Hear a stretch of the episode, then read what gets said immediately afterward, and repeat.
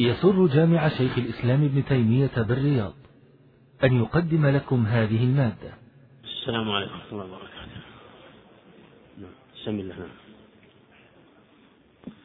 بسم الله الرحمن الرحيم الحمد لله رب العالمين وصلى الله وسلم وبارك على عبد الله ورسوله محمد وعلى آله وصحبه أجمعين قال محمد بن الجارود رحمه الله تعالى وشيخنا والحاضرين قال قال قال نعم. قال الإمام العلامة محمد بن الجارود رحمه الله تعالى وشيخنا والحاضرين والمسلمين وجمعنا بهم في جنات النعيم. حدثنا محمد بن يحيى قال حدثنا ابن أبي مريم قال أخبرنا محمد يعني بن جعفر قال أخبرني العلاء عن أبي عن أبي هريرة رضي الله عنه قال قال رسول الله صلى الله عليه وسلم إذا مات الإنسان قطع عنه عمله إلا من ثلاثة صدقة جارية أو علم ينتفع به أو ولد صالح يدعو له. الحمد لله رب العالمين والصلاة والسلام على محمد وعلى آله وأصحابه وأتباعه بإحسان يوم الدين. سيكون درس إن شاء الله في بقية أحاديث الزكاة وكتاب الصيام نبتدئ بإذن الله يوم السبت. فكل كلام لما تيسر على هذه الأخبار وهم ثلاثة التي بقيت عند المصنف عند المصنف رحمه الله أو أربعة. نعم. فإن بقي وقت ممكن نتعرض لبعض المسائل التي يعني لم تستوفى أو لم تناقش في كتاب الزكاة مما يعني يعني يبدو الإخوان أو يريد بعض الإخوان المناقشة فيه. فلا بأس. إن تيسر شيء من الوقت يعني.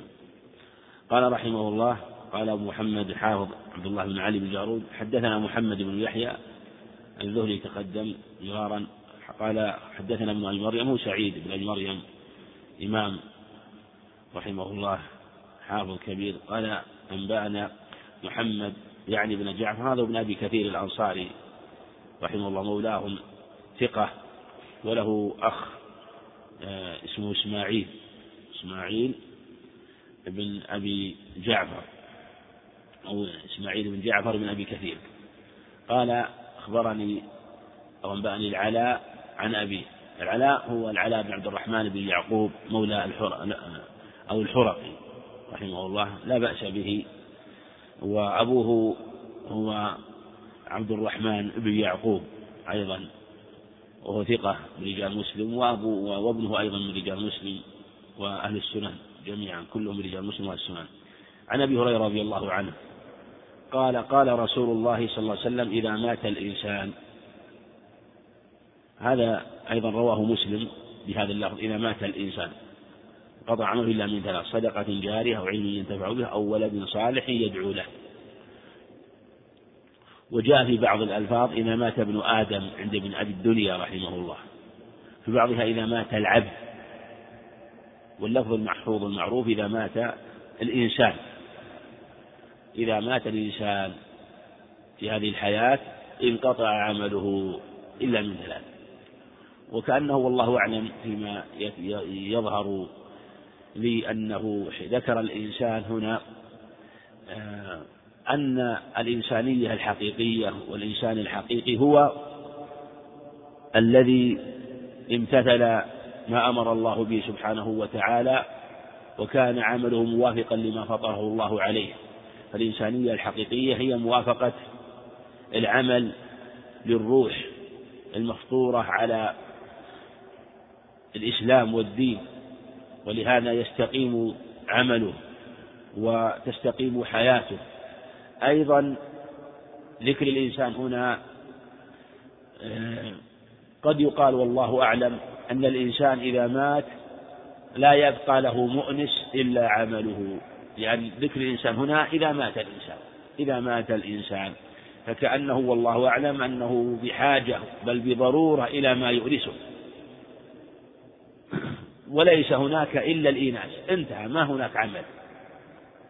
الإنسان حينما يحصل له بعض المنغصات والمنكدات يحتاج إلى من يؤنسه ولا يحتاج إلى تكليف وإلى عمل. فلو كلف بعمل زاده ذلك ربما نكد لكن يحتاج إلى من يؤنسه وأعظم مصيبة تصيب الإنسان إن لم يقدم عملا الموت لأنه في بعد ذلك لا حيلة فيه. وجب عليه الكتاب. انتهى الأمر. لا حيلة في الرجوع. لا شك أن هذه مصيبة عظيمة. الإنسان ما دام في مهلة الحياة فالباب مفتوح. لكل عمل ولكل خير. لازم أو متعدي بأعمال البر والخير العظيمة فإذا مات فلا يؤنسه إلا عمله. لا يؤنسه إلا ما قدم. إذا مات الإنسان يتبعه ثلاثة يتبعه ثلاثة من الصحيحين حين أنس يتبعه أهله وماله وعمله فيرجع اثنان أهله وماله ويبقى عمله. إن خيرا فخير وإن شرا فشر. إن كان خيرا كان مؤنسا له. الصلاة ها هنا والزكاة منها ها هنا والصوم ها هنا محيطة به وذكر الله من هنا فأعماله محيطة به. تؤنسه وسع له في قبره ينور له فيه. وهذا هو الإيناس الحقيقي. لأنه قامت قيامته وانتهى أمره من هذه الحياة. فلهذا قال إذا مات الإنسان وإن كان بضد ذلك والعياذ بالله فخيبة وحسرة وندامة. لكن ليس هناك رجوع إلى هذه الحياة. قد أعذر الله إليه وأرسل إليه الرسل وأنزل الكتب وبلغ سبحانه البلاغ المبين فلا عذر ولا حجة. ولقال إذا مات الإنسان انقطع عمله. انقطع انتهى. والإنسان في هذه الحياة يعمل لأجل أن يكون كأنه حي يعمل. كأنه حي يعمل. كأنه يصوم كأنه يصلي كأنه يدعو إلى الله كأنه يتصدق بأعمال البر والخير. بماذا؟ بأعمال تسببها في حال حياته. ثم يبقى له نفعها له في قبره تؤنسه في قبره ثم بعد ذلك النعيم الأكبر والعظيم حينما يبعث يوم القيامة. ولهذا يبشر فيرى فيرى مقعده من الجنة ويأتيه من روحها. ونسيمها. فهو في نعيم. روحه تنعم وبدنه تابع لروحه في هذه في هذه الحياة البرزخية. ولهذا جاء في الحديث الصحيح في فضالة بن عبيد عند أبي داود والترمذي بإسناد صحيح أنه عليه الصلاة والسلام قال كل ميت عند الترمذي وعند أبي داود كل ميت لكن الأظهر رواية الترمذي كل ميت. لأن كل إذا أضيفت إلى نكرة فإنها تستغرق جميع أفراده وإذا أضيفت إلى معرفة فإنها تستغرق جميع أجزائه. والمراد هنا أفراد الأموات. كل ميت يعني كل ميت فردا فردا لأن كل أوسع وأعظم. صيغ العموم. كل ميت يختم على عمله. إلا المرابط. فإنه ينمو له عمله إلى يوم القيامة. مرابط في سبيل الله. الذي يدفع عن أهل الإسلام في مقام ومكان المخافة وغيره آمن. فهو يدفع عن المحارم ويدفع عن الدين. في سبيل راحته مع ذهاب راحته لكنه عليه من الأنس والطمأنينة ما يسكن قلبه ويطمئنه فلهذا يعان. ثم إذا مات على هذا ينمو له عمله. والمقصود هنا أنه إذا مات الإنسان انقطع عمله انقطع. قال إلا من ثلاثة يعني أنها تبقى وذلك أن هذه الثلاثة تسبب إليها. ومن ومن سن سنة حسنة فله أجرها وأجر من عمل بها إلى يوم القيامة. في حديث عند مسلم. وفي حديث هريرة صحيح مسلم من دل على خير فله مثل أجر فاعله. من دل على خير فله مثل أجر فاعلة. هذا دل على خير وتسبب إليه فكان له أجره إلا من ثلاثة صدقة جارية. يصلح يعني يصلح بالجر بدل من ثلاثة يصلح بالرفع على أن خبر يعني هي صدقة وعلم وولد. صدقة جارية. جارية تجري. وقوله جارية تجري كأنه والله أعلم أيضا من الإسراع. الجري يكون مشي بقوة ونشاط. فهي صدقة تجري لا تتوقف. صدقة أيضا تجري إلى مقصدها إلى صاحبها الذي تسبب بها وفي نفعها لمن ينتفع بها. صدقة تنبئ عن صدق إيمانه ويقينه ومن صدق صدق إن تصدق الله يصدق كما الحديث الصحيح عند النساء في ذاك الذي جاء يجاهد ومن صدق الله سبحانه وتعالى في أي عمل يصدقه سبحانه وتعالى. ولهذا من أدى هذا العمل صدقة جارية فإن هذه الصدقة فإنها تجري عليه. هو جعلها صدقة لكنه سبحانه وتعالى أجراها له في حياته وبعد وفاته. صدقة جارية.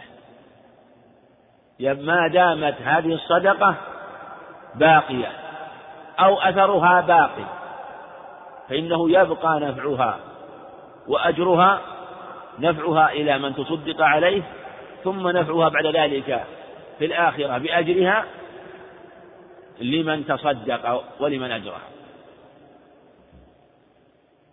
صدقة جارية. الصدقة الجارية العلماء قالوا إنها تشمل كل عين ينتفع بها بغلتها مع بقاء عينها. مع بقاء عينها. مثل كتب يجعلها وقفا في سبيل الله. وقف لطلاب العلم. يقرؤون فيها ويستفيدون منها. فهي صدقة جارية. ما دام ينتفع بهذه الكتب قراءة وإقراء وشرحا فإن أجرها يصل إلى الموت فإن كان الذي وقفها هو صاحبها فإنها تدخل في الصدقة الجارية وفي العلم الذي ينتفع به كما سيأتي. فتكون صدقة جارية وتكون علما ينتفع به. أيضا تدخل في من أوقف كتبا. في من أوقف كتب ينتفع بها وإن لم يكن من أهل العلم. هذا سيأتينا إن شاء الله. لو أن إنسان اشترى كتب فجعلها وقف في سبيل الله وليس من أهل العلم. فهذا من العلم الذي ينتفع به يجري له. فعليها الوصفان. عليها الوصفان فهي علم ينتفع به وكذلك يجري أجره إليه. لكن أول ما في الصدقات الجارية ما يكون ينتفع به نفعا متعديا من مثل البيت الذي يجعله للفقراء. البيت الذي يجعله لطلاب العلم الأرض التي يجعلها في سبيل الله ينتفع بها. مثلا المزرعة التي والبستان الذي يوقفه ينتفع بغلته وبثمرته. وهكذا يعني في هذه الأزمنة أبواب الأوقاف كثيرة وكثرة الحاجات ووقوع كثير من الكوارث والمصائب لكثير من المسلمين. مثل البئر الآبار التي تحفر للمحتاجين أو لعموم المسلمين في البلاد التي يقل فيها الماء أو ينضب فيحفر بئرا أو ارتوازات نحو ذلك فيجري نفعها لهؤلاء المحتاجين ويجري أجرها لمن حفرها. كذلك المستشفيات التي تبنى للمرضى كذلك المدارس للعلم ونشر العلم وكذلك الجمعيات الخيرية لإعانة المساكين والمحتاجين ودور التحفيظ والقرآن التي توقف لحفظ القرآن وتعلمه وتعليمه وكذلك طرقات للمسلمين بتعبيدها وتيسير الطرقات للمسلمين هكذا سيارة يقفها للمحتاجين أو للحجاج أو لطلاب العلم أو لشخص محتاج لأسرة محتاجة. وهكذا الثياب التي يجعلها وقفا لمن يستفيد منها. واسع. الصدقات الجارية واسعة. وهذا من فضل الله سبحانه وتعالى. كذلك أيضا من أعظم ذلك المساجد وكذلك ما يحتاج ما يحتاج له الناس من برادات ومكيفات وهكذا الفرش. أشياء كثيرة كلها من الأوقاف التي ينتفع بها ويجري أجرها لمن أوقفها ما دامت ينتفع بها على هذه الحال. لكن هنا مسألة. يعني لو أن عندنا مسجد محتاج لمكيفات أو مكان جهة محتاج لبرادات وعندنا أسرة محتاجة مثلا لمكيفات أو ثلاجة أو غسالة في هذه الحال. هل نقول الأفضل أن يقفها عليهم أو أن يشتريها ويملكها له هل الأفضل أن يجعلها وقفا عليهم أو أن يملكها له لأنه قال صدقة جارية. وهل أفضل هذا وهذا نعم.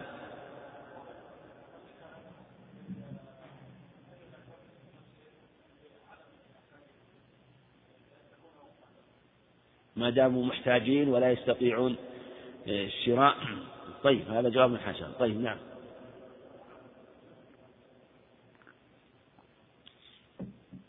المسجد يمكن يجد إن شاء الله.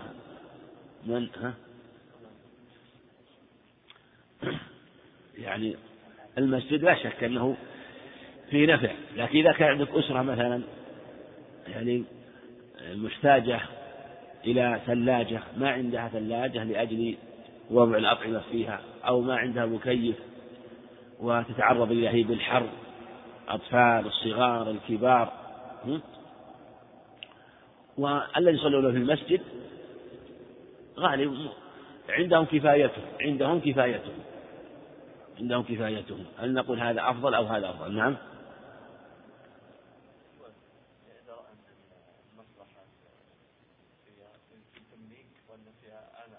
هو يسأل كلام يقول علمني ما عندي. يقول يقول أنا عندي المحل بشتري هذا. أجعله وقف ولا؟ يقول علمني أنا. نعم نعم. نعم.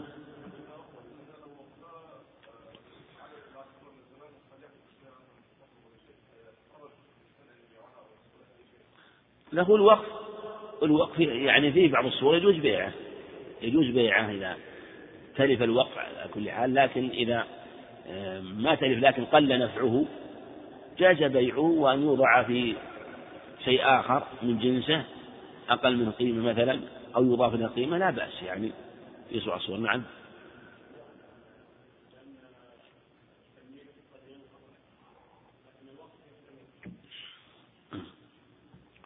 هم حق نعم.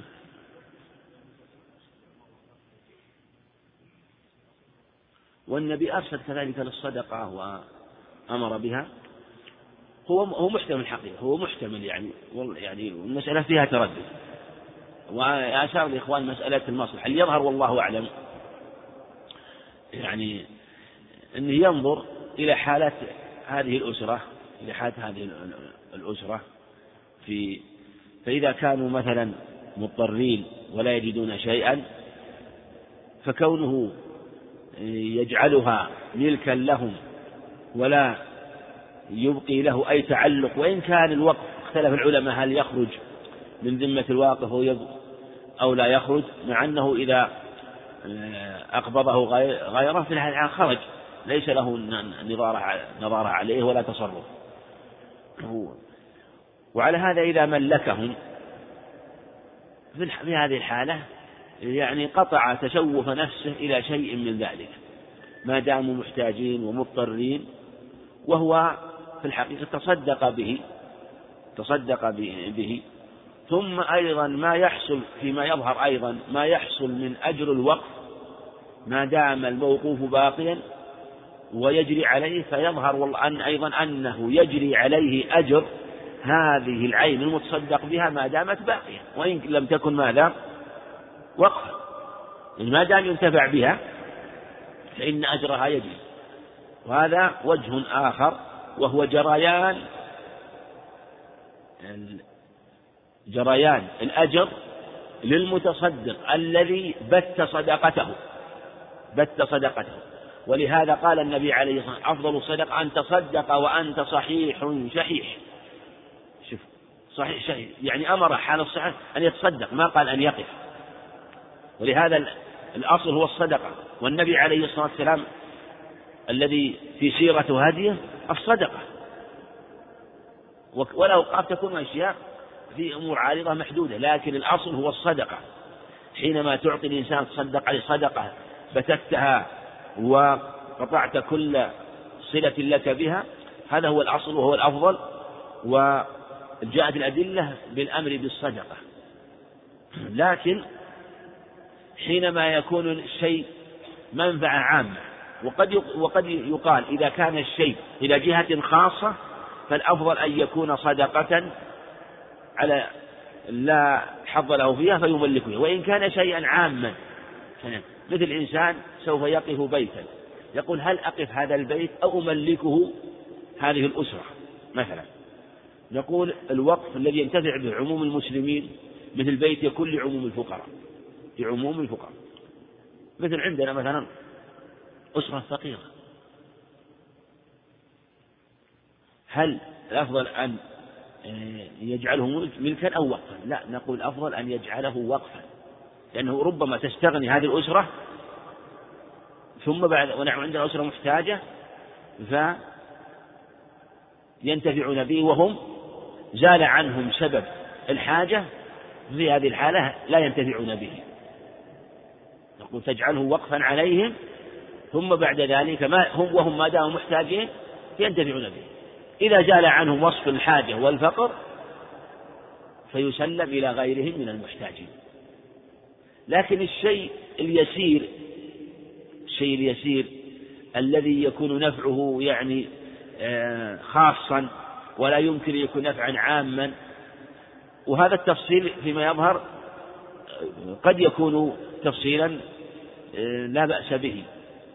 وهو الشيء الذي ينتفع انتفاع عام مثل البيت الذي يسكن مثلا والمزرعة التي ينتفع بها على سبيل العموم.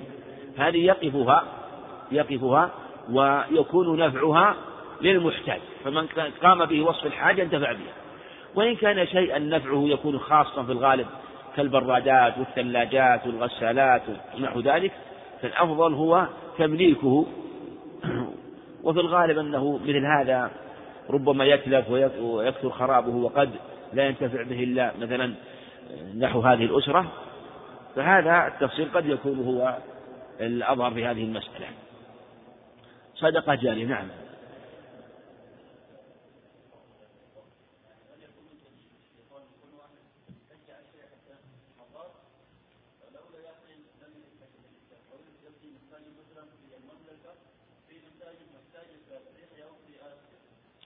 نحن نقول المقصود من الأوقاف هو نفعها. فكون مثلا بعض الناس يعني يريد أن يبني مسجد في هذا المكان في هذا المكان وقد يكون محتاج لكن قد يكفى مؤونته إما من جهة الدولة مثلا أو من جهة محسن آخر أو لا تكون ضرورة مثلا وأهل الحي بقربهم مساجد أخرى ولا يتضررون بالصلاة فيها. وهناك أماكن لا مساجد فيها أصلا. مساجد فيها أصلا. وأهلها يعني إما يصلون في أماكن مثل الصنادق ومثل الأماكن المؤقتة. لا شك أن إقامة المساجد في مثل هذه أفضل وأولى. وذلك أيضا يجري في أشياء كثيرة. مثل مثلا إنسان يريد أن يحج وعنده مال. يقول عندي مال الآن وأنا حججت حجة الإسلام. وعندي مال الآن وهناك أسرة مضطرة محتاجة وعليهم دين ومهدد ومهدد صاحب صاحب الأسرة بالسجن. هل أحج أو أعطيه؟ نقول لا الأفضل أن تفك أسر هؤلاء. وإن جاء في الحج ما جاء من حج فلم يرفض فلم يرفض ولم رجع منه كيوم ولدته أمه. الحديث هذا كثيرة. فلو من أتى هذا البيت الحج العمرة العمرة رمضان رمضان. فالمقصود أن هنا ينبغي موازنة في الذي نفعه أعظم وأكبر ويصل إلى أكثر عدد. فيكون أرجح من هذا الجانب. وهذا باب واسع والعلماء تكلموا عليه. قال أو علم أو علم ينتفع به. علم ينتفع به. العلم الذي ينتفع به يشمل الكتب التي يؤلفها الإنسان فينتفع بها بعده ويشمل أيضا الكتب التي يشتريها مثل ما تقدم ويوقفها في سبيل الله لطلاب العلم. أيضا يشمل العلم الذي يعلمه يعلمه لطلاب العلم حينما يبين لهم ويشرح لهم فهم ينقلون هذا العلم وكذا كل من نقل علما أو نسخه أو كتبه أو نشره فإنه داخل في هذا. فكله داخل في باب العلم. كذلك أيضا يدخل فيه إذا علم وكان له طلاب علم. طلاب علم ينشرون علمه بعده. أيضا يدخل في ذلك. يدخل في ذلك. لأنه علم ينتفع به. وهذا باب واسع. كما تقدم. واليوم ضرورة في نشر العلم عظيمة لكثرة الجهل والبدع والضلالات المنتشرة بين المسلمين ولتقصير كثير من المسلمين اليوم في نشر العلم ونشر الإسلام. وأعظم علم ينشر هو علم التوحيد والعقيدة وهو دخول الناس في هذا الدين. وهذا في الحقيقة من العلم حينما تدعو إنسان إلى الإسلام إلى لا إله إلا الله لا إله هي رأس العلم وهي الفقه الأكبر. لا إله إلا وهي أعظم العلم. هذه الكلمة. فإذا دعوت إليها فتعلمها وأسلم هذا علم ينتفع به علم عظيم للدعوة إلى الإسلام. وذلك أن هذا الذي أسلم علمته أعظم العلم أجل العلم وهو التوحيد. فإذا أسلم فهو في صحيفة من أسلم لديه. فإذا عمل فعمله في صحيفته. جميع أعماله. من دل على خير فله مثل أجر فاعله. أو علم ينتفع بشكل ينتفع. فلا بد أن يكون علما منتفعا به. وهذا يدعو الإنسان إلى الإخلاص في تعلمه وتعليمه. في تعلمه وتعليمه لأنه كلما اجتهد في الإخلاص كلما كان العلم نافعا وكلما كان المتلقي أيضا منتفعا ولهذا النبي عليه الصلاة والسلام كان يتعوذ بالله من علم لا ينفع. أعوذ بك من علم لا ينفع. قد يكون وبالا على صاحبه والعياذ بالله. يكون عالما بالله عالما بأمر الله سبحانه وتعالى. أو علم ينتفع به. وهذا يبين أن الغاية من العلم هو العمل. وعالم بعلمه لم يعملا معذب من قبل عابد الوثن هتف العلم بالعمل كما يقول الثوري فإن أجابه وإلا ارتحل. قال أو ولد صالح يدعو له ولد. الولد يشمل الذكر والأنثى. والولد يشمل ولد الصلب يشمل أيضا ما نشأ الولد ولد الولد ولدك من ذكر وأنثى ولد ولدك ولد ابنك الذكر والأنثى ولد بنتك الذكر والأنثى. وهكذا ولد ولد الولد. ولد ولد ولد ولد مهما نزلت درجته. من أولاد البنين أو أولاد البنات. لأنه ولد. فلو أن إنسان يدعو لجده الأعلى تعالى لكن قال أو ولد صالح لأنه هو الذي يعتني الصالح. وإن كان الدعاء مطلوب سواء كان صالح أو صالح لكن ذكر الصالح لأنه هو الذي يحرص ويجتهد في الدعاء. أيضا الولد الصالح هو الذي يتحرى ويجتهد في الإخلاص في الدعاء. وهو إشارة أيضا أيضا إلى أن الولد الصالح لا يكون صلاحه إلا بعلم أبدا. لأن الصلاح ما يكون إلا بعلم. وذلك أن يكون عملا على السنة وعمل موافق. فمن كان يرجو لقاء ربه فليعمل عملا صالحا ولا يشرك بعبادة ربه أحدا تمام الصلاح؟ هو أن يكون خالصا وأن يكون صوابا. الصالح الموافق للسنة وعدم الإشراك بأن يكون خالصا لله عز وجل. قال أو ولد صالح يدعو له. وفيه حث ودعوة إلى الاجتهاد في تربية الأولاد. في تربية الأولاد. في صلاحهم وإصلاحهم. يا أيها الذين قوا أنفسكم ولكم نارا وقودها الناس والحجارة. قال السلف علي رضي الله عنه وغيره علموهم وقال بعضهم أدبوهم. بتعليمهم وتأديبهم. هذا هو الواجب بل يجب ذلك. فيدعو لوالديه لأبيه لأمه جد وأجداده وجداته وهكذا من علاه منهم. أو ولد صالح يدعو له. وفي أيضا حث على الذرية والأولاد الصالحين. والزواج لأنه حينما يخرج من صلبه أولاد وتسبب في ذلك هذا عمل عظيم.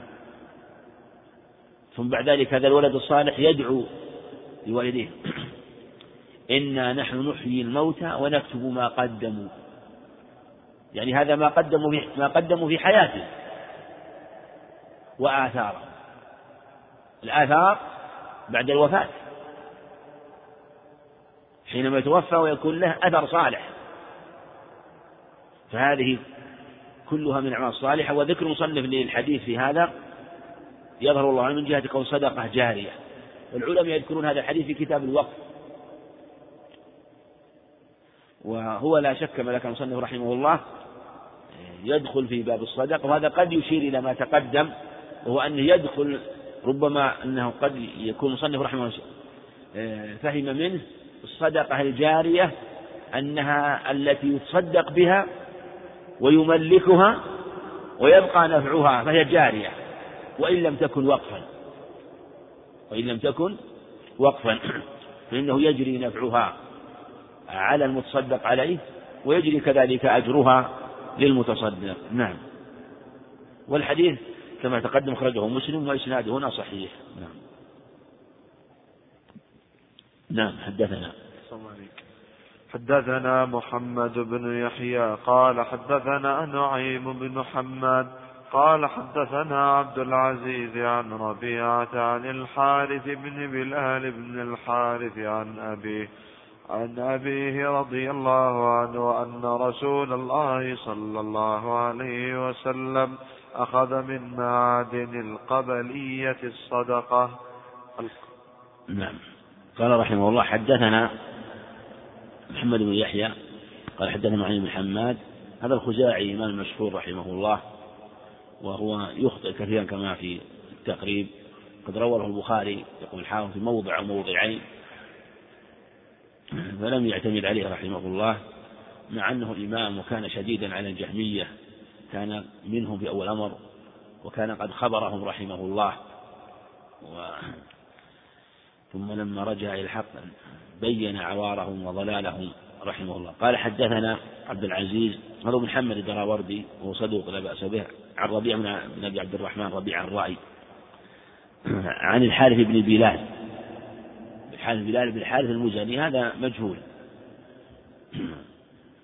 قال في التقريب انه مقبول لكن يظهر أنه مجهول كما يتبين من ترجمته في التهذيب وغيره.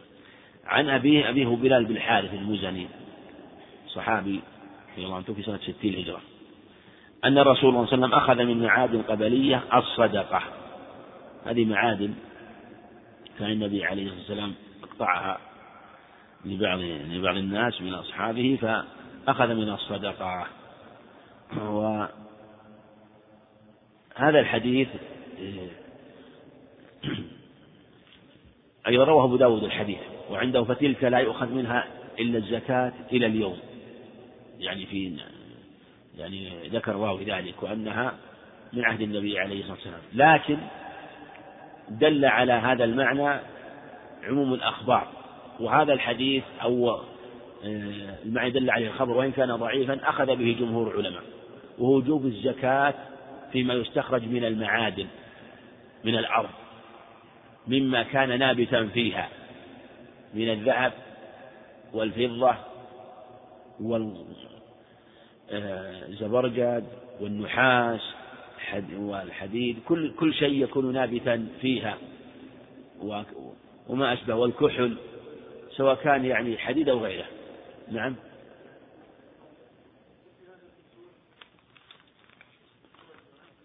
نعم. كذلك البترول إذا طلع لإنسان يعني في مكان لكنه فيما يتعلق بالملك للدولة لا زكاة فيه لكن لو أن إنسان يعني وجد مثلا في مكان شيئا من هذا القار أو نحو ذلك ملكا خاصا فهذا وقع في الخلاف. مذهب الإمام أحمد رحمه الله أن الزكاة تجب في كل ما يستخرج من الأرض. كل ما يستخرج من الأرض. سواء كان منطبعا أو غير منطبع. حد يعني يعني يقولون كل ما يكون منه. سواء كان منطبع مثل النحاس والذهب والفضة أو غير منطبع مثل الزجاج مثل الكحل وما أشبه ذلك والقار الذي لا تنطبع. وذهب أبو حنيفة إلى أنها تجب في كل شيء إلا ما لا ينطبع فلا تجب فيه. ففي الذهب والفضة وسائر أنواع المعادن الأخرى من غير الذهب والفضة. وذهب مالك والشافعي رحمه الله أنها لا تجب إلا في الذهب والفضة ولا تجب في غيرها. وظاهر الأدلة العموم وذلك أن الله عز وجل يا أيها الذين أنفقوا من طيبات ما كسبتم مما أخرجنا لكم الأرض. وهذا مستخرج من الأرض. وإذا كانت الزروع والثمار تنبت في الأرض ويحصل فيها معاناة وتعب ومشقة ومع ذلك تجب فيها الزكاة حينما تطيب وآتوا حقه يوم حصاده. فوجوبها فيما يخرج من الأرض مرة واحدة مرة واحدة وخروجه أيسر وأسهل من باب أولى. ثم الجمهور قالوا إنه لا حول لها مثل الزروع والثمار. وذلك أنه يخرج دفعة واحدة ومرة واحدة. وعلى هذا يشبه الزروع والثمار حينما تطيب فتجب الزكاة فيها عند حصادها بعد ما تؤخذ وتستقر وتأمن العاهة فتجب فيها الزكاة إلا أن تتلف على وجه لا تفريط فيه فلا زكاة فيها. الجمهور أيضا يقولون يجب لا تجب فيها إلا إذا بلغت نصابا. لا تجب فيها إلا إذا بلغت نصابا. والنصاب تقدم أنه عشرون مثقال من الذهب أو مئة درهم من الفضة فإن كانت ذهب أو فضة فإذا بلغت عشرين مثقالا بعد استخلاصها وإخراج ما فيها من غيرها لأنه إذا كانت مستخرجة لابد يكون فيها دخل فيها شيء ليس منها. وكذلك الفضة. يعني ذهب خالص. وهذا ينبني على مسألة ما تعرضنا لها وهي مسألة الذهب هل يحسب الغش أو لا يحسب الغش؟ هذه مسألة فيها خلاف مذهب أحمد رحمه الله. وأبي حنيفة مذهب أحمد يقولون إنه لا تجب فيه إلا في الخالص. ولو كان عندنا ذهب مثلا آه، ذهب عيار 18 عيار 16 عيار 21 وبلغ 85 غرام ما يجب فيه الزكاة. لأنه في الحقيقة هذه العيارات ما بلغت إذا كانت 85 بالوزن تكون في الغالب فيها غش. وذلك أن الذهب العيار ليس خاص العيار 24 24 هذا خالص. هذا يعني مثلا عيار 21 يكون إذا بلغ 97 غرام 97 غرام. عيار 18 تقريبا 113 غرام. وعيار 16 تقريبا 127 غرام. 127 غرام. فهذا على مذهب أحمد رحمه الله. يقولون إذا لم يكن عيار خالص دون 24 هذا لا تجب فيه الزكاة حتى آه، يعني آه، يخلص من الغش ويعرف مقدار الغش. يعرف مقدار العش الغش فإن مثلا يضرب مثلا 85 غرام في 24 تقسيم 24 هذه كم تصير النتيجة؟ 85 ولا لا؟ 25 في 24 تقسيم 24 كم يصير؟ نعم 85 ولا لا؟ 85 في 24 على 24 85 85 في 24 تقسيم 21 عيار 21 كم يبلغ؟ 97 على هذا تعرف الغش مثلا عندك 85 في العيار 24 عيار خالص. النتيجة أقسمها على العيار اللي ينقص اللي 21 يخرج كم؟ 97 يمكن. 18 85 هذا في الذهب يعني. في 24 تقسيم 18 تقريبا 113 غرام 85 في 24 تقسيم 16 127 أو قريب منها. فهذا على مذهب أحمد رحمه الله يقولون إن إنه لا تخرج الزكاة إلا إذا كان خالصا إذا كان خالصا. ومذهب أبو حنيفة رحمه مذهب أبي حنيفة رحمه الله وهو كذلك مذهب الشافعي الظاهر مثل مذهب أحمد رحمه الله. مذهب مذهب أبي حنيفة رحمه الله يقول إن كان الغالب الغش فيحسب وإن كان الغالب الخالص لا يحسب في هذه الحالة تجد فيه ولا حاجة أن يحسب الغش. فعلى هذا يستخرج آه، منها ما كان مغشوشا ثم يزكى الخالص يزكى الخالص. وهنا مسائل في كما تقدم وهو آه، يعني أن أبا حنيفة رحمه الله يقول إن الزكاة تجب في قليل وكثير ما في نصاب. جعل المعادن مثل ماذا؟ الركاز. أبو حنيفة رحمه عنده المعادن مثل الركاز والركاز لا نصاب له. الركاز يذكر كما سيأتي إن شاء الله. ما في نصاب. من وجد ركاز في الأرض من دفن الجاهلية ولو مثلا وجد خمسة دنانير خمسة مثاقيل وهي ربع نصاب. يخرج مثقال. ما يستطيع النصاب. أبو حنيفة رحمه الله يقول لا. في كذلك في مسألة المعادن يخرجها. يخالف الجمهور ويقول إن المعادن ركاز. قوله ضعيف رحمه الله لأن النبي عليه الصلاة والسلام كما سيأتينا غاير بين الركاز والمعدن. المعدن جبار وفي الركاز الخمس والعطف يقتضي المغايرة. ولهذا كان أظهر وقول الجمهور أن المعادن يشترط لها النصاب لعموم الأدلة. في الرق في عموم الأدلة في حديث علي وما جاء في معناه وكذلك آه، تقدم معنا في ذكر الأواقي وأنها آه، في خمس الأواقي في خمس الأواقي لا زكاة من دون خمس أواقي والوقية أربعون درهما وهي مئة درهم. نعم حدثنا. الله عليك.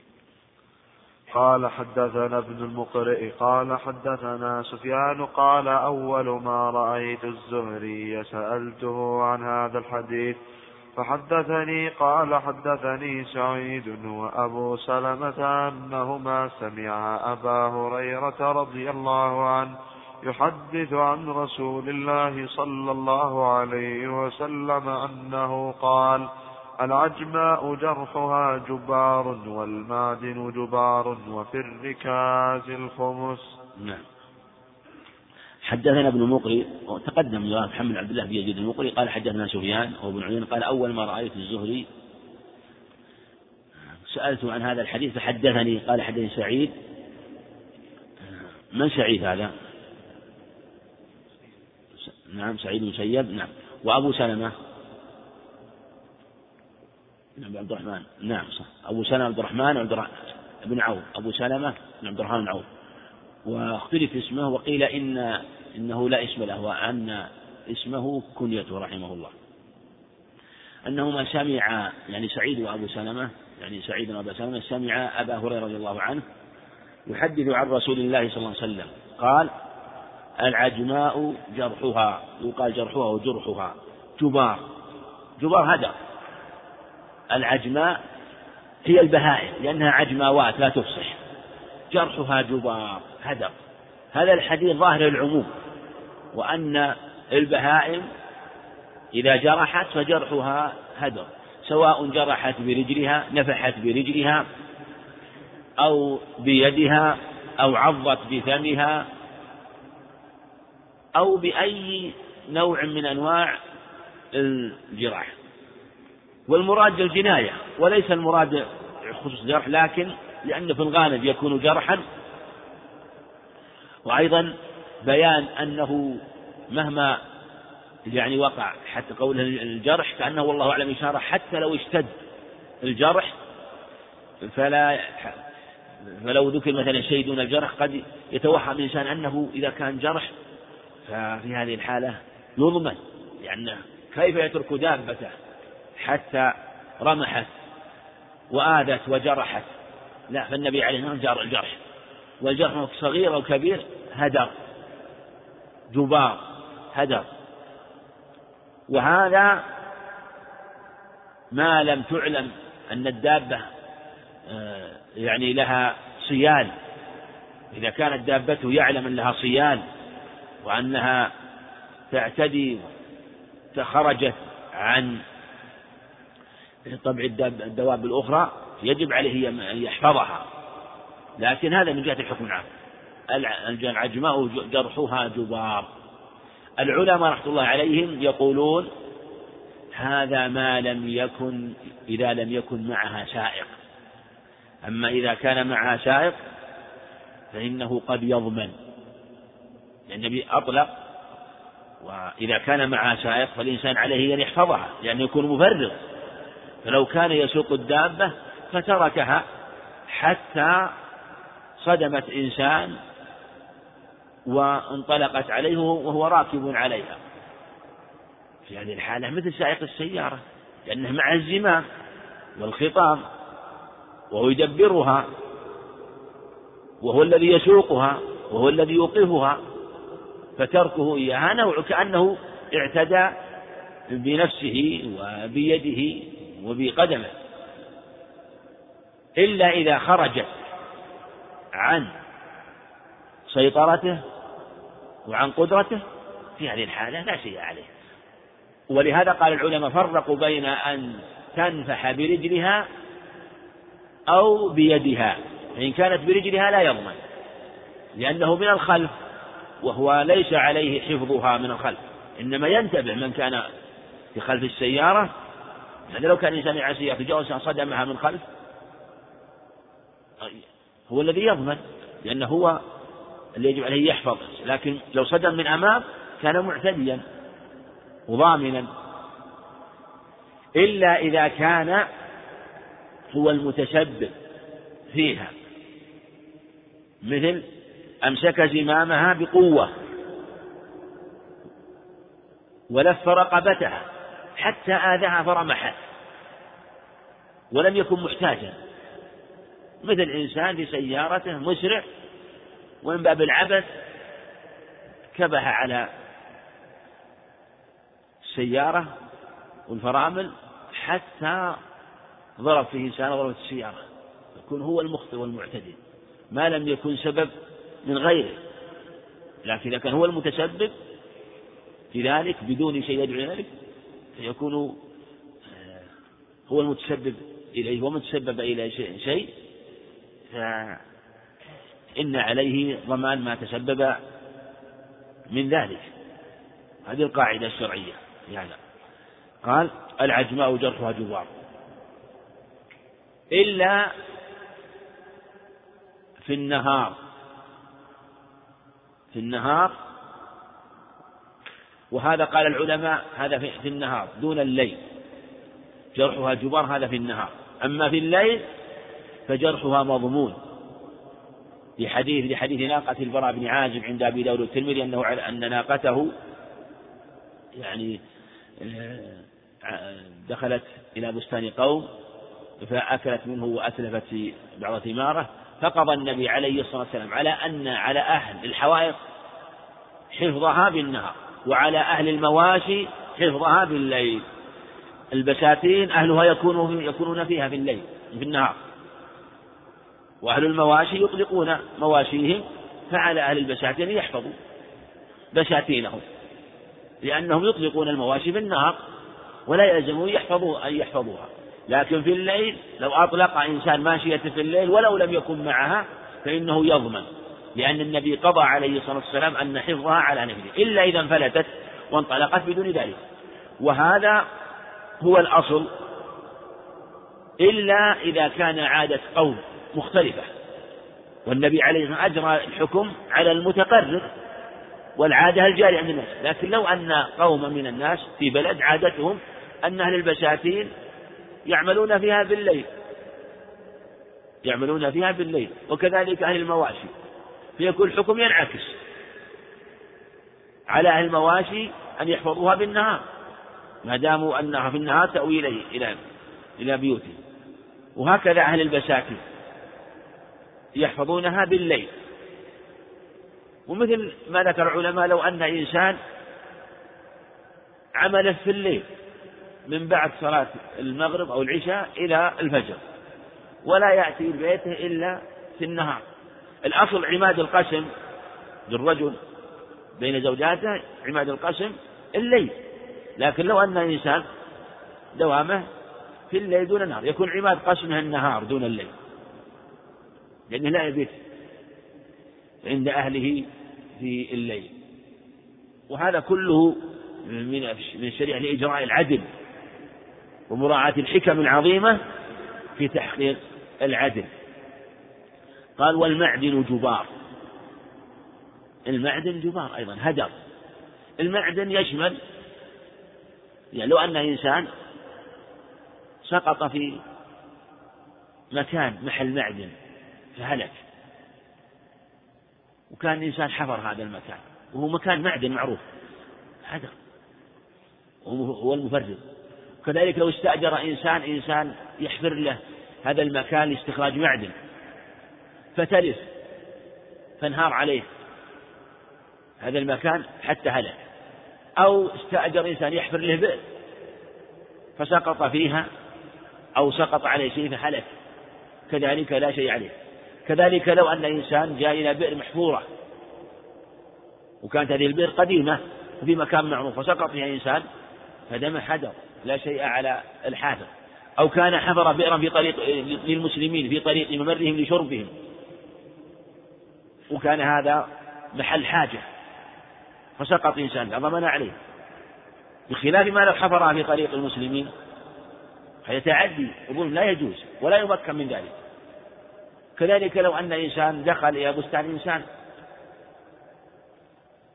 وسقط في بئر فإن كانت البئر واضحة المعالم لا ضمان عليه. وإن كانت البئر في الطريق سقط فيها ولم يعلم الداخلين بذلك يكون ضامنا. يعني إذا كانت البئر في المكان المعتاد لكن هو ذهب إليها فزلت قدمه وسقط. فلا ضمان. إذا هذا يجري في هذا وفي هذا. قال وفي الركاز الخمس. هذا العطف يقتضي المغايرة. ولهذا قال الجمهور إن قوله في الركاز الخمس يقتضي أن المعدن غير الركاز.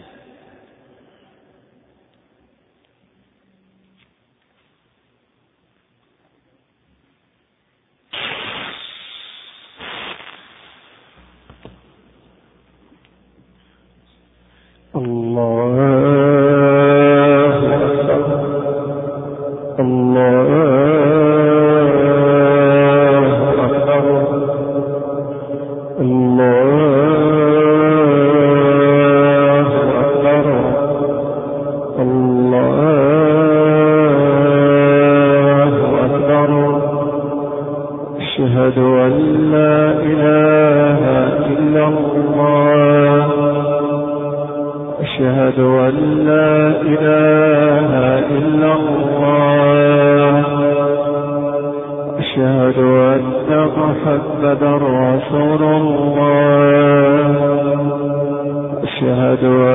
وفي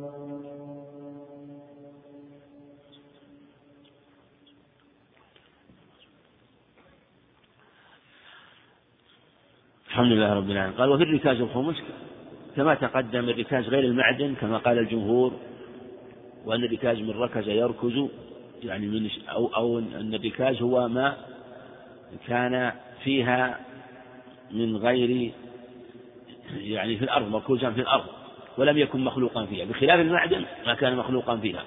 أما ما كان ركز فيها وأدخل فيها فهذا فيه الخمس وهذا في دفن الجاهلية. فالركاز هو دفن الجاهلية.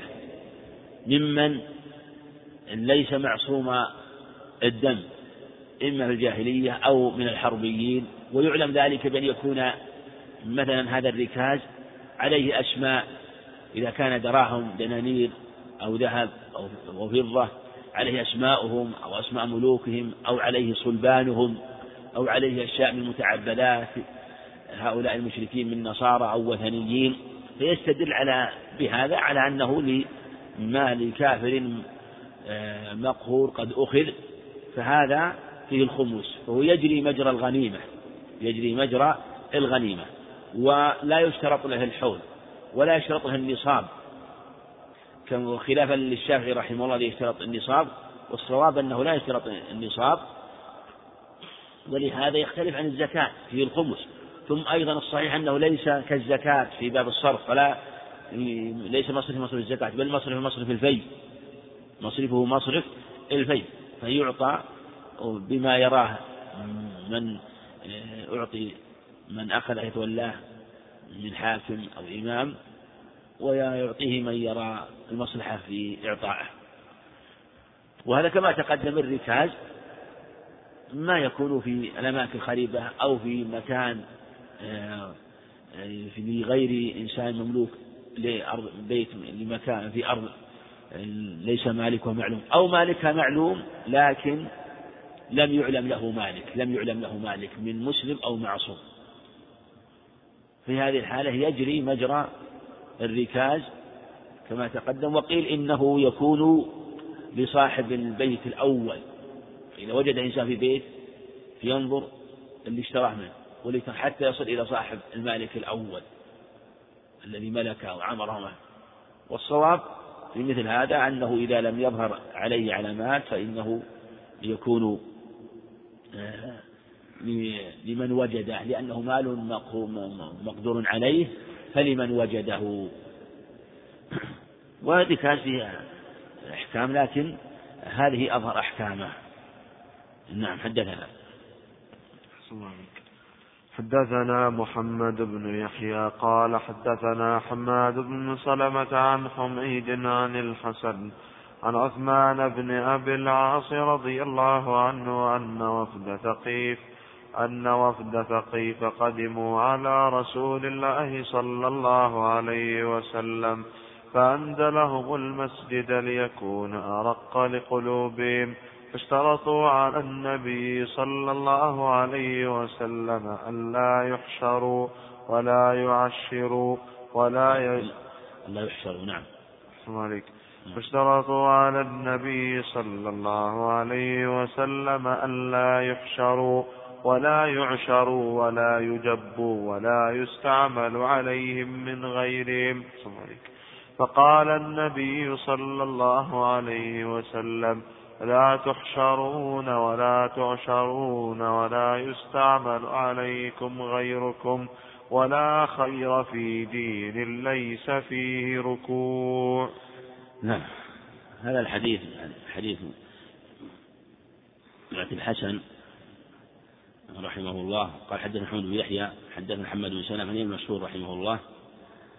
حماد بن سلمة بن دينار وحماد بن زيد اسم جده؟ درهم. والعلماء يقولون إن فضل أحدهم على الآخر كفضل الدينار على الدرهم؟ كفضل الدينار على الدرهم. حماد بن سلمة بن دينار. وحماد بن زيد بن على هذا يكون حماد بن سلمة ماذا؟ أفضل. لكن المعروف عند الحفاظ أن حماد بن زيد أتقن وأحفظ. من حماد بن سلمة. وعلى هذا كيف يكون توجيه هذا الكلام؟ مع أن الكلام صحيح. كلام صحيح يعني. الكلام صحيح. يعني في أن حماد بن سلمة فضله على حماد بن زيد كفضل الدينار الدرهم وهو جده دينار. نعم. ارفع الصوت الله اعلم قد يكون حماد بن سلمه هو شيء حماد بن زيد فاكثر فيه لا لا مو يعني هو يعني في يعني وجه من يعني مراد الجمع بين الكلامين. يعني مثلا حينما علم ان حماد بن زيد في جلالته وإتقانه وحفظه حماد بن سلامة كذلك نعم. من حيث حماد بن سلامة يعني في عبادته نعم. نعم في الضبط والحفظ. نعم. هذا هو الصحيح. يعني حماد بن سلمة مشهور بالعبادة رحمه الله. حتى قال بعضهم إنه من الأبدال. لكن هذا الدعوة. وقال بعضهم إن علامة الأبدال أن لا يولد لهم. وأنه تزوج سبعين امرأة فلم يولد له يقال لكن هذا الكلام ما لا دليل عليه ولا لكن كما تقدم حماد بن سلمة رحمه الله يعني في إتقانه في عبادته رحمه الله وتقواه كذا حماد لكنه برز في هذا فلهذا فضل من هذا الجانب رحمه الله. نعم. الأبدال قيل قيل يعني من الأبدال الأبدال يعني جاء في عدة أخبار يعني الأبدال الذين أن الله أنهم ثلاثون رجلا وجاء أنهم أربع رجلا. وأنهم يكونون في كل زمان وأنه كلما مات رجل أبدل الله مكانه أحد واحد. إذا مات أحد. واحد أبدل الله مكانه واحد. وحديث أبدال ضعيف عند من العلم ومنها العلم من أثبتها. والمعروف أنها حديثها فيها ضعف. نعم. عن عن عن حميد هذا حميد بن أبي حميد الطويل رحمه الله وهو ثقة من الخامسة رحمه رجال جماعة. الحسن البصري عن عثمان بن العاص. والحسن لم يسمع من عثمان عن المشهور وجاء عند البخاري في التاريخ الكبير أنه قال كنا إذا أتينا الحسن إذا أتينا عثمان وقد كان بنى بيتا للحديث في إشارة إلى أنه أدركه لكن على كل حال حسن مدلس. وهذا الحديث له شواهد له شواهد. سوف نتعرض لشرح ما الحديث يعني يحتاج إلى شيء من البسط في بعض العبارات ولهذا قد الأسئلة أشوفها كثيرة قد لا يتيسر الإجابة على الأسئلة ولعله يتيسر لها وقت آخر إن شاء الله. سوف نتعرض لبعض المسائل المهمة في هذا آه، الحديث. الحديث كما تقدم فيه انقطاع على قول أو تدريس الحسن رحمه الله وهو روى أحمد وأبو داود أيضا من طريق الحسن عنه بن عاصم. وفيه أنه عليه الصلاة والسلام أن عثمان رضي الله عنه قال أنه في الثقيف من الطائفة قدموا على رسول الله صلى الله عليه وسلم فأنزلهم المسجد ليكون أرق لقلوبهم. فاشترطوا على النبي صلى الله عليه وسلم يعني بإسلامهم ألا يحشروا يعني للجهاد. ولا يعشروا يؤخذ ماذا منهم؟ ماذا؟ العشر العشر يعني الزكاة. يعني لا للجهاد لا يجاهدون ولا يزكون ولا يجبوا. إيش يجبوا؟ يعني للركوع أو للركوع والسجود. ولا يستعمل عليهم من غيرهم فقال النبي صلى الله عليه وسلم لا تحشرون ولا تعشرون ولا يستعمل عليكم غيركم ولا خير في دين ليس فيه ركوع. يعني أجابهم إلى ثلاث خصال أما الصلاة فلم يجب إليها قال وليس خير في دين ليس فيه ركوع. وجاء حديث عند جاء عن جابر رضي الله عند أبي داود بإسناد حسن أو صحيح وفيه أن آه، أسلموا بشرط أن لا يحشروا ولا يعشروا. فقبل منهم النبي عليه الصلاة والسلام وقال سيتصدقون ويجاهدون لكن قبل منهم الإسلام.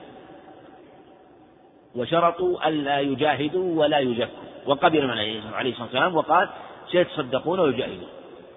ورد حديث أصح من هذه كلها وأصح حديث الباب عند أحمد قال حدثنا محمد بن جعفر قال حدثنا شعبة عن قتادة عن نصر بن عاصم الليثي أن رجلا منهم جاء إلى النبي عليه الصلاة والسلام يسلم واشترط عليه ألا يصلي إلا صلاتين فقبل منه النبي عليه الصلاة والسلام وهذا إسناد صحيح. لكن في شعبة في قتادة قتادة مدلس. ما يعلل بتدليس قتادة هو. قتادة عن نصر بن عاصم. إسنادها إما محمد بن جعفر وشعبة إمام قتادة. دعامة السلوسي بن الخطاب البصري إمام لكنه مدلس. ونصر بن عاصم الليثي أيضا ثقة رحمه الله من الثالثة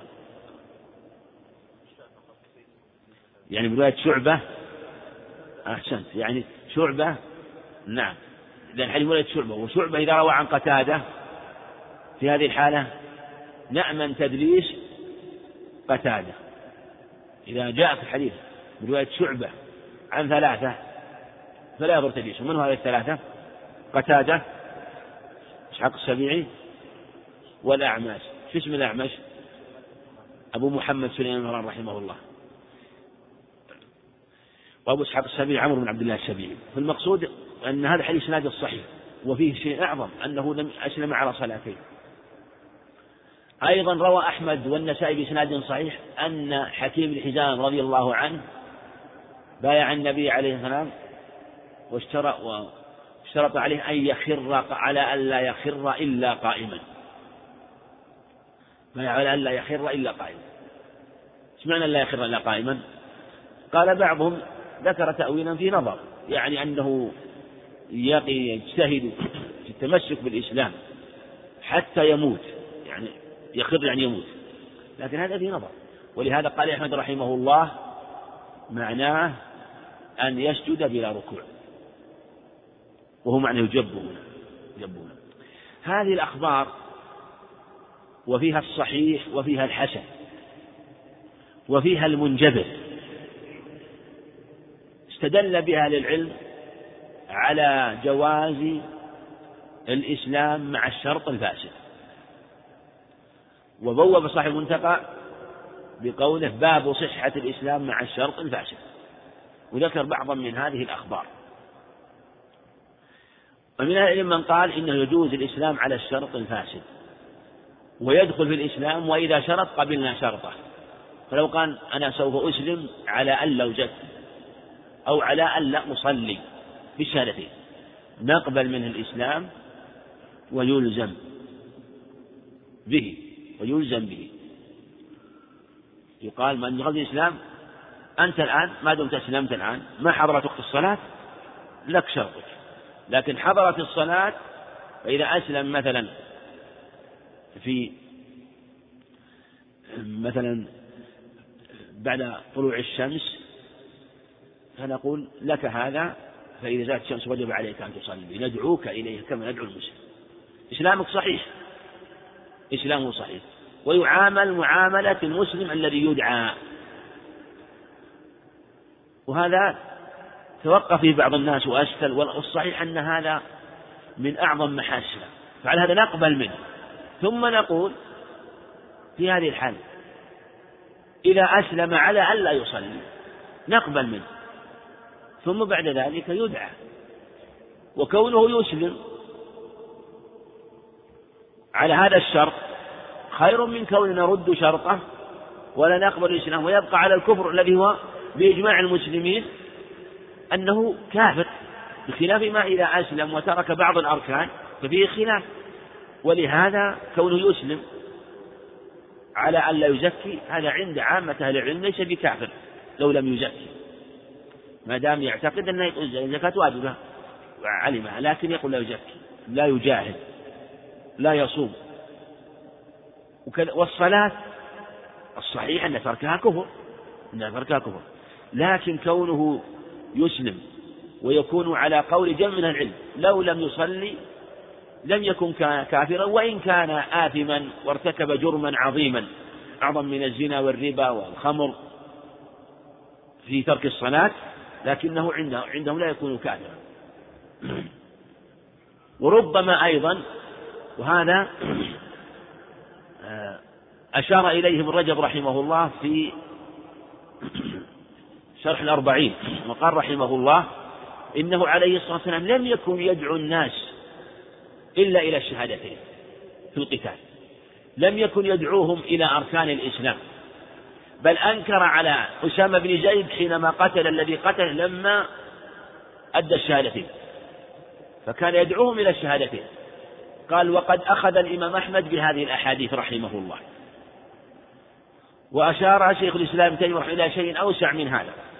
ويقول إن من كان لتوه أسلم فإنه لا تجب واجبات الشريعة إلا مع إمكان العلم والقدرة.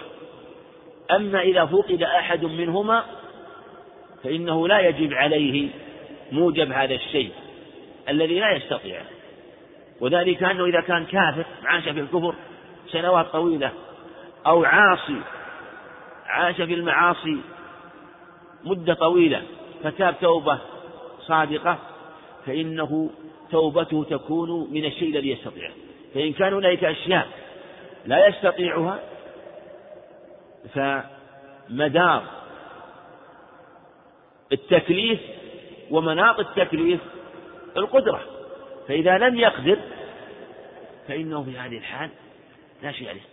مثل إنسان تاب من المخدرات مثلا اليوم مثل ما يقع ولو ترك المخدرات ربما هلك حتى يحقن مثلا ببعض أنواعها لكي يتروض جسمه شيء فشيء لأن بعضهم والعياذ بالله خلاص صار جسمه لا يعيش إلا عليه والعياذ بالله.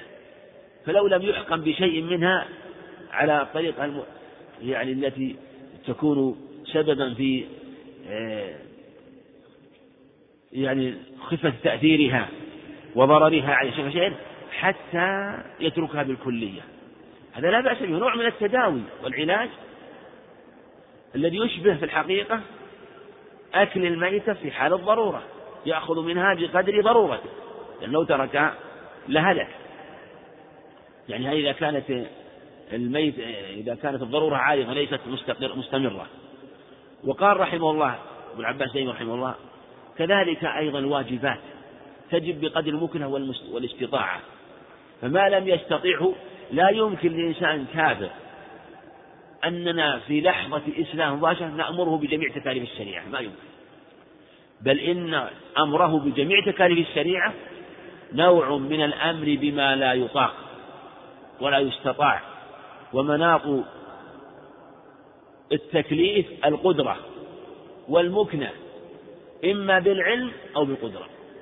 ولهذا إذا كان العلم يسقط. مثل إنسان أسلم ولم يكن يعلم وجوب الصلاة ولم يكن له تفريط. سنة كاملة. ثم علم أن الصلاة واجبة. نقول الصحيح أنه يبتدئ من الوقت الذي علم. الصلاة الحاضرة يعيدها يصليها. فإن كان يصليها مثلا بغير وضوء يصليها بغير سجود وصلىها يقول أصلي الظهر بسجدة واحدة أو الصلاة بسجدة واحدة. ما أعرف. صليت الآن صلاة الظهر. ونزل في وقت الظهر نقول ما مضى من الصلوات لا شيء عليه ويعفى عنه. وأدلة كثيرة. الصلاة هذه التي في الوقت وبقي من وقتها ركعة فأكثر فإنك أدرك. ومن أدرك ركعة من الصلاة فقد أدرك الصلاة. يعني قبل أن تغرب وقبل أن تطلع. كذلك أيضا أوقات الصلاة الأخرى في مثل هذه الحالة. نقول تعيد هذه الصلاة وما سوى ذلك فإنه معفى كذلك المكنة في باب القدرة. ولهذا يقبل منه على الصحيح لكن كل على أصله. وهنا مسألة موضع نظر. يعني أنا ما أستخير الله فيها وتحتاج إلى مزيد تحقيق. هل يقال فرق بين المسلم الأصلي الذي يترك الصلاة؟ هذا ندعوه إليها.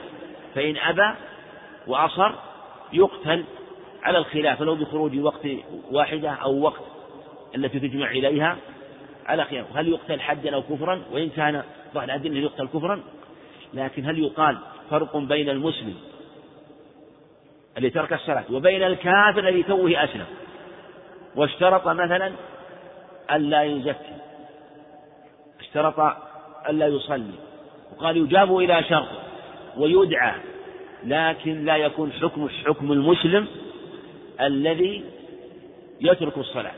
وأنه لو أصر فإنه يرفق به ولا يبادر ولا يستعجل عليه حتى يتبين منه الإصرار والعناد لأن في الغالب ما يمكن أن إنسان يذوق لذة الإسلام والإيمان بعد الكفر ويأبى إلا عن شيء في قلبه أبدا. ما يمكن. الإسلام له حلاوة خاصة لمن لتوه أسلم يجدها في قلبه فإصراره على ذلك هذا يدل على دسيسة فاسدة في قلبه لكن قد يكون لأنه لتوه أسلم وغرق في المعاصي والفجور والعقيدة الفاسدة حتى لأن نفسه لم تتخلص فيحتاج أن يذهب الدغل الذي في قلبه ويعيش بين الإسلام فيذهب الظلمة التي تعلو قلبه والرأي الذي يعنو قلبه شيء شيء ويدعى لكن يرفق به ويؤلف حتى يستجيب للإسلام. وهذا وجه جيد وظاهر الأحاديث يدل عليه خاصة حديث نصر بن عاصم الليثي إسناد الصحيح وفيه أن النبي قبل منه عليه الصلاة والسلام. لكن كما في حديث أنس أنه عليه الصلاة والسلام كان إذا أسلم الرجل قال دونكم أخاكم فعلموه. يعني ما قال تأمرونه أو تزجرونه لا علموه. والتعليم يقتضي تربية ويقتضي رفق. ولهذا لو أنه أبى لشيء بعض الشيء فإنه يترك. والنبي عليه الصلاة والسلام لم يكن يفتش عن بواطنهم بل كان يتركهم عليه الصلاة والسلام. ربما بعضهم يكون في قلبه من الشيء الذي لو ظهر لكان مستحقا لأشد العقاب لو كان وقع من غيره ممن كان له مدة في الإسلام. هذا معروف من سيرة هديه عليه الصلاة والسلام. فكذلك في مثل هذا لو قيل بمثل هذا القول فهو قول جيد ويرفق به. وهذا في الحق من أعظم أسباب يعني الدخول في الإسلام إذا علم الكافر أنه لا يضايق ولا يكلف ولا يجبر مباشرة بل يرى أهل الإسلام ومحاسن وقد يدل عليه أن النبي عليه الصلاة والسلام في قصة المثال وإن كان لم يسلم ربطه النبي عليه ثلاثة أيام. ولم يجب الإسلام ولم يدعو الإسلام بل رأى المسلمين يصلون ثلاثة أيام. يقول ما عندك يا ثمر يقول عندي خير. إن تقتل تقتل ذا دم وإن تنعم تنعم عشاك وإن تسأل من المال تعطى. ثلاثة أيام. حتى اليوم الثالث لما قال النبي أطلقوا ثمامة. قصته المعروفة في الصحيحين. وهذا الحديث كما تقدم ظاهر في مسألة باب الزكاة أيضا فيما يتعلق بالمؤلفة قلوبهم أيضا هو بحث مهم وأنا وعدت بذكر اليوم لكن لعلنا إن شاء الله نذكر في الدرس الآتي إن شاء الله في أول الدرس بإذن الله. نعم لأهميته نعم.